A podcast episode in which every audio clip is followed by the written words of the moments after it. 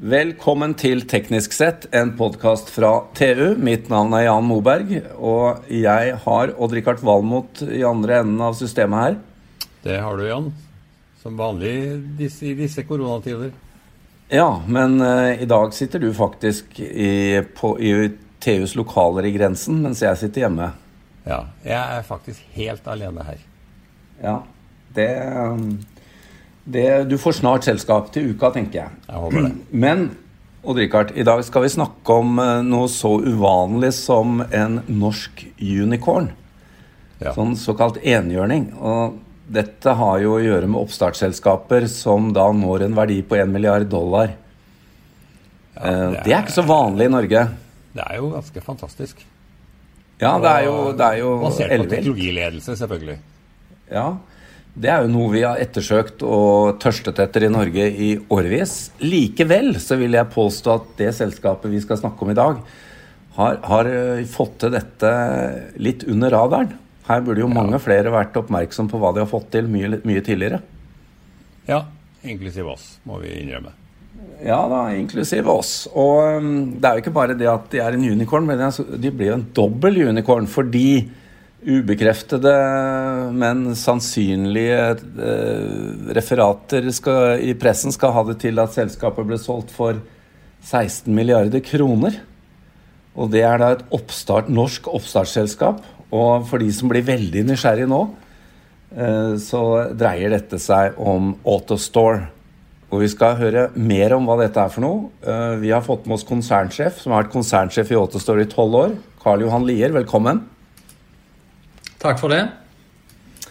Du, du må fortelle oss først litt om uh, hvordan i all verden uh, dette kom i stand til at vi har fått til dette. Altså, de, dere leverer nå uh, lagringssystemer til, til, nasjoner rundt om i hele verden og har levert et halvt tusen systemer. Og dette her har gått under radaren for veldig mange entusiaster her hjemme i Norge. Ja, eh, jeg kan ikke fortelle litt om historien. da. Eh, det begynte jo i 1996, da, når uh, vår tekniske direktør i Hatteland på den tida, Ingvar Hognaland, kom inn en morgen og sa han hadde en idé. For på den tida var vi i ferd med å, å, vokse ut av lageret vårt og vurderte å bygge ut, men det hadde vi egentlig ikke penger til. Og Da kom Ingvar med, en, med det som han sa en morgen 'Jeg har en god idé', sa han. Og så spurte han hva er det meste ved et lagerlokale. Og det er det meste ved et lagerlokale. Det er luft. Så da kommer man fram med en Rubiks kube hvor varene blir lagra i kasser, eh, stabla på toppen av hverandre, eh, med roboter som går på toppen og henter disse kassene til og fra plukkestasjoner. Eh, og Den ideen i 1996 den har vi da utvikla gjennom de siste 20 åra, og i dag har vi solgt snart 500 anlegg i over 30 land over hele verden. Men hva er eh, Altså, dette er jo uhyre interessant fordi eh, det er jo en helt ny filosofi og samtidig ny teknologi som er utviklet. Og som du sier, det har jo tatt mange år. Men hva er eh, hovedsegmentet? Jeg regner med at det er en størrelsesbegrensning her på disse kassene, at vi ikke snakker om, om ubegrensa størrelser. Og hvilket marked er det dere er i? Ja, Det er jo det som vi kaller for light goods. Eh, det er kasser som er, det er plastkasser eh, som er laga og designa av oss. Hvor du kan ha opptil 30 kg i hver kasse. Og vi har da Og de må gå inn i kassen, da, som da er 400 ganger 600 cm. Altså 400 mm brei, 600 mm lang.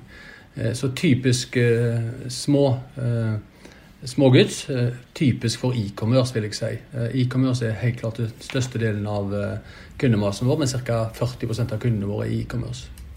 Ja.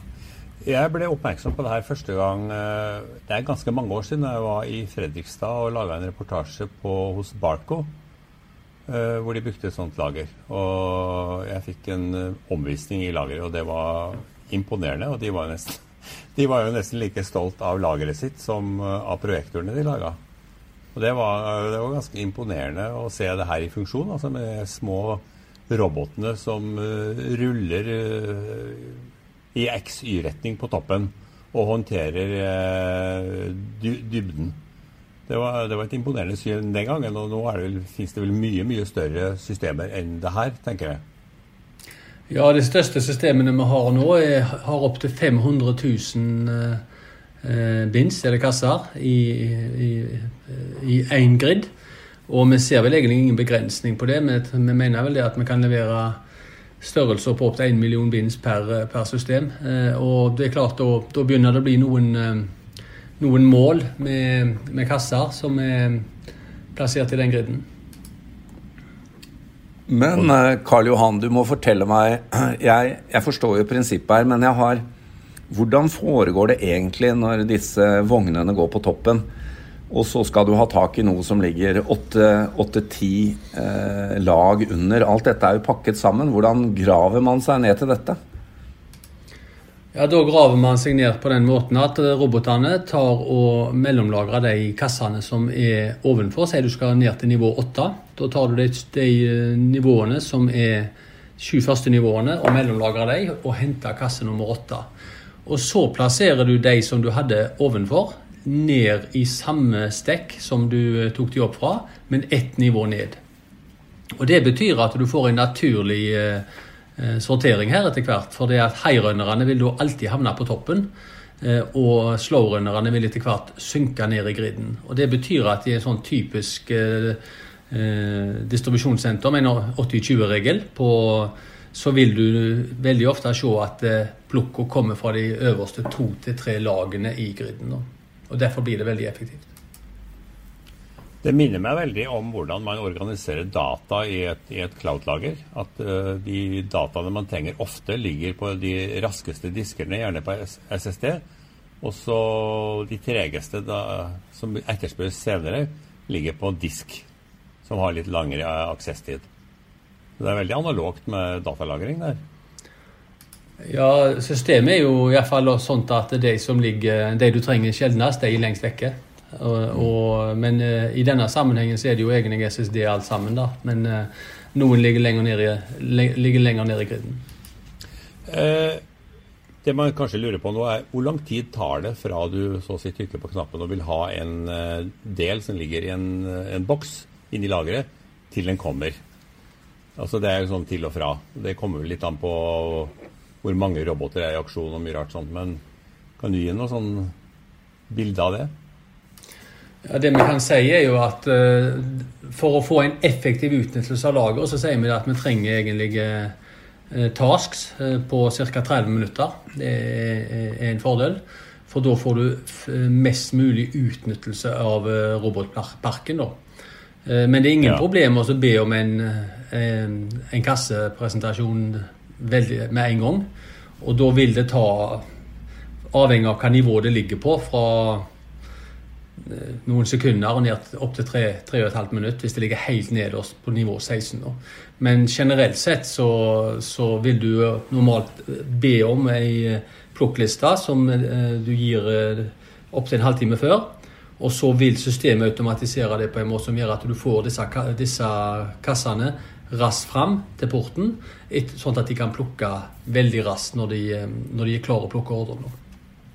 Ja, Her er jo typisk eh, oppgaver som da lønner seg å samkjøre, ja. Selvfølgelig. Når du får eh, gjort det effektivt. Men jeg blir jo nysgjerrig nå eh, på Her må det jo være en del eh, patenter involvert? Ja, Per i dag så har vi ca. 300 patenter og patentapplikasjoner som eh, vi jobber med. Eh, og vi har ca. 130 patentfamilier da, som, som, vi jobber med for øyeblikket. Er det hovedsakelig mekanikk, eller er det også, er det også håper å si science, altså type algoritmer og den type ting? Ja, det finnes jo på algoritmer. Det er først og fremst i forhold til Eh, roboter og porter eh, og noe på algoritmer, men primært så vil jeg si at det er veldig mye knytta til hvordan roboter og porter eh, jobber sammen. da, Veldig mye. Så er jo vi veldig opptatt Karl Johan, av de norske teknologimiljøene. Og nå vet vi jo at dere er solgt ja, egentlig to ganger, da. Og dere er fortsatt holdt av såkalt private equity-eier. Men kan vi håpe på at disse miljøene forblir i Norge med denne kompetansen dere har opparbeidet? Ja, det er ingenting som tyder på at vi, vårt miljø i Norge ikke skal fortsette å vokse. Jeg tror vel egentlig det at det du har sett etter både EQT overtok og etter TSL overtok, så har du sett en klar økning av antall ansatte i Norge. Og per i dag har vi kun R&D i Norge, og det er ingen planer på kort og mellomlang sikt å, å, å gå utenfor Norge når det gjelder R&D-sida. Eh, hvis du ser på markedet fremover, altså lager er én ting, men også sånne micro-fulfillment, som, som, det så pent heter, at du, at du, får eh, det du skal ha i en butikk med en gang. Eh, jeg vet ikke om det markedet har starta opp, eller om det er bare på papiret, men, men da trenger man jo slike Man kan ikke ansette 100 stykker til å løpe rundt på et lager. Så det her er det sannsynligvis et stort kommende marked, eller? Det, det, som går på microfulfillment, det, det, har vi jo sett komme, og spesielt i USA eh, de siste åra. Eh, for det som skjer i dag, er jo at veldig mye av eh, disse store distribusjonssentrene de ligger ute i periferien. Og så er det relativt, og der er det veldig effektivt å drive lageret, men det er dyre frakter inn til de urbane sentrene. Ja. Så det jobbes veldig mye med det som kalles for last mile delivery. Og det betyr egentlig å eh, på e-commerce-sida nå, istedenfor at du skal levere på én dag eller to dager, så skal du kanskje levere på timer. Og skal du levere på timer, så kan ikke du ha distribusjonssentrene langt ifra de urbane sentrene. Og i de, i de urbane sentrene så er jo plass mye dyrere da enn ute i periferien. Så det som jeg ser, er at uh, dette med microfulfillment det kommer mer og mer. Det blir veldig viktig på grocery-sida framover. Og da blir det jo mindre lagerinstallasjoner, eh, kanskje bak, eh, i bakrommet på en butikk. Hvor det, folk kan bestille på nettet, så kan de bare komme og, og skanne med mobilen sin en, en barkode, og så får de varene direkte ut fra systemet. Eh, det tror vi kommer til å komme mye mer framover, og vi tror at denne koronakrisen fører til at det vil bli akselerert. På grunn av når du ser på grocery-sida i USA, så har du faktisk eh, regna med en dobling av det som blir solgt på internett framover, i forhold til det som var før koronakrisen. Det er jo utrolig spennende her med det bildet du tegner. fordi eh, Noen ganger så må du også tilpasse deg eksisterende infrastruktur og bygningsmasse. Og jeg tenker jo på et tradisjonelt eh, lagerlokale her kan man jo retrofitte, da, altså rett og slett eh, fornye innmaten i et eksisterende bygg. Det må jo bli supereffektivt i forhold til eh, hvordan det tidligere ble innredet. Har du noe forholdstall på hvor mye mer effektivt man blir? Det er litt Jeg har ikke noe, akkurat noe forholdstall på det direkte, for det er så forskjellig fra prosjekt til prosjekt. Men det vi typisk ser, da, er jo at eh, på de type prosjekter som vi leverer, så kan kanskje eh, payback-tida vare ned på fire til seks måneder og opp til tre år, typisk. Det er det, det er tilbakebetalingstiden veldig ofte kundene, sluttkundene krever da, for å gjøre sånne, sånne, investeringer. Og du får mye mer effektiv utnyttelse av, eh, av folkene på lageret. Du kan kanskje halvere antall folk på lageret og bruke dem på andre ting for å kunne generere vekst som et eksempel. Men når du da først har fått dette systemet inn, er det da jeg holdt på å si eh, skalerbart? Enkelt å bygge ut i, i alle tre retninger? Ja, det er jo det som er så bra med Autostore i forhold til alle andre produkter på markedet. At vi er så modulære og skalerbare. Eh, at eh, du, du begynner med en, et lager og størrelse i forhold til det du har i dag trenger i dag, og så bygger du ut etter hvert som du har behovet. Vi har jo kunder som har uh, utvida opptil 20 ganger nå, etter at de investerte i Autostore første gangen. Og de lagrene de har i dag, er en helt annen størrelse enn det de, de, det de begynte med. da.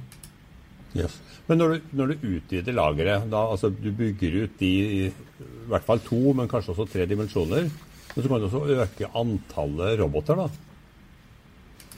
Ja, antall, altså du, for å øke antall lagerlokasjoner, så, legger, så, så investerer du i mer gridprofiler og mer kasser.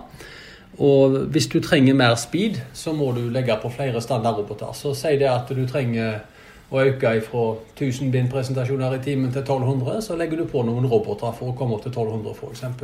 Og det kan du gjøre veldig, veldig veldig lenge i, i, en sånn situasjon som dette. Men det er jo, det er jo grenser for hvor mange roboter som kan løpe oppå den øvre flaten og, og jobbe.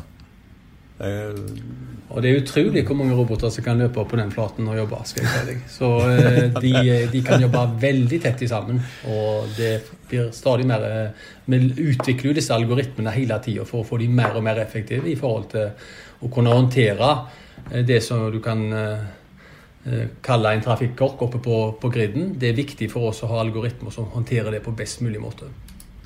Ja, for dette, Vi snakker om autonome biler nå. Dette er jo et helt autonomt system hvor uh, de forholder seg til hverandre. Det er kanskje ikke så mye trafikklys og fotgjengere og sånt å ta hensyn til. Men det kan jo bli ganske mye aktivitet allikevel da, på toppen der. Ja, det kan, bli, det kan, bli, veldig mye aktivitet på toppen der. Og det er veldig viktig å ha gode eh, software-systemer som håndterer den trafikken på best mulig måte. Odd-Rikard, her tror jeg rett og slett vi må få eh, komme oss ut og se et praktisk eksempel. Jeg ser på deg at dette har du lyst til å se. Så eh, det, det får vi høre med Karl Johan Lier om det finnes en mulighet for oss om når tiden kommer. Eh, vi må Tiden løper fra oss. Vi har jo så, egentlig så mye mer vi har lyst til å snakke om. Det tror jeg også vi skal få en ny mulighet til. Men Karl Johan, før, du, før vi avslutter her. Vi må jo spørre deg med den suksessen her og de arbeidene dere har vært igjennom. Hva er dine råd til, uh, til, norske entreprenører og Norge som nasjon for å få tak i teknologi og nyskaping i eget land? Ja, jeg mener jo det at det må legges til rette for eh, investeringer og løsninger økonomisk som gjør at en langsiktig kan investere. For det koster penger å utvikle produkter sånn som dette i den første fasen. Og Da er det viktig å ha rammebetingelser som, som er gode. Eh, og For vår del så kom vi gjennom fordi vi hadde en rik eier som kunne investere og gi de pengene som var nødvendig. Men i den fasen hvor vi kanskje brukte mest penger, så måtte òg vår eier ta ut penger av bedriften for å betale formuesskatt, som et eksempel. Og det å legge til rette for eh, støtteordninger eh, for forskning og utvikling og legge til rette for at bedrifter som er i en oppstartsfase, kan beholde de midlene for å investere de i egen drift, det tror jeg er kjempeviktig framover. Og selvfølgelig er dere velkommen til å besøke et anlegg. Vi skal bli, finne en løsning på det. Veldig bra. Karl Johan Lier, konsernsjef i Altestør, takk skal du ha for eh, denne praten. Og da høres vi garantert igjen. Ser fram til det.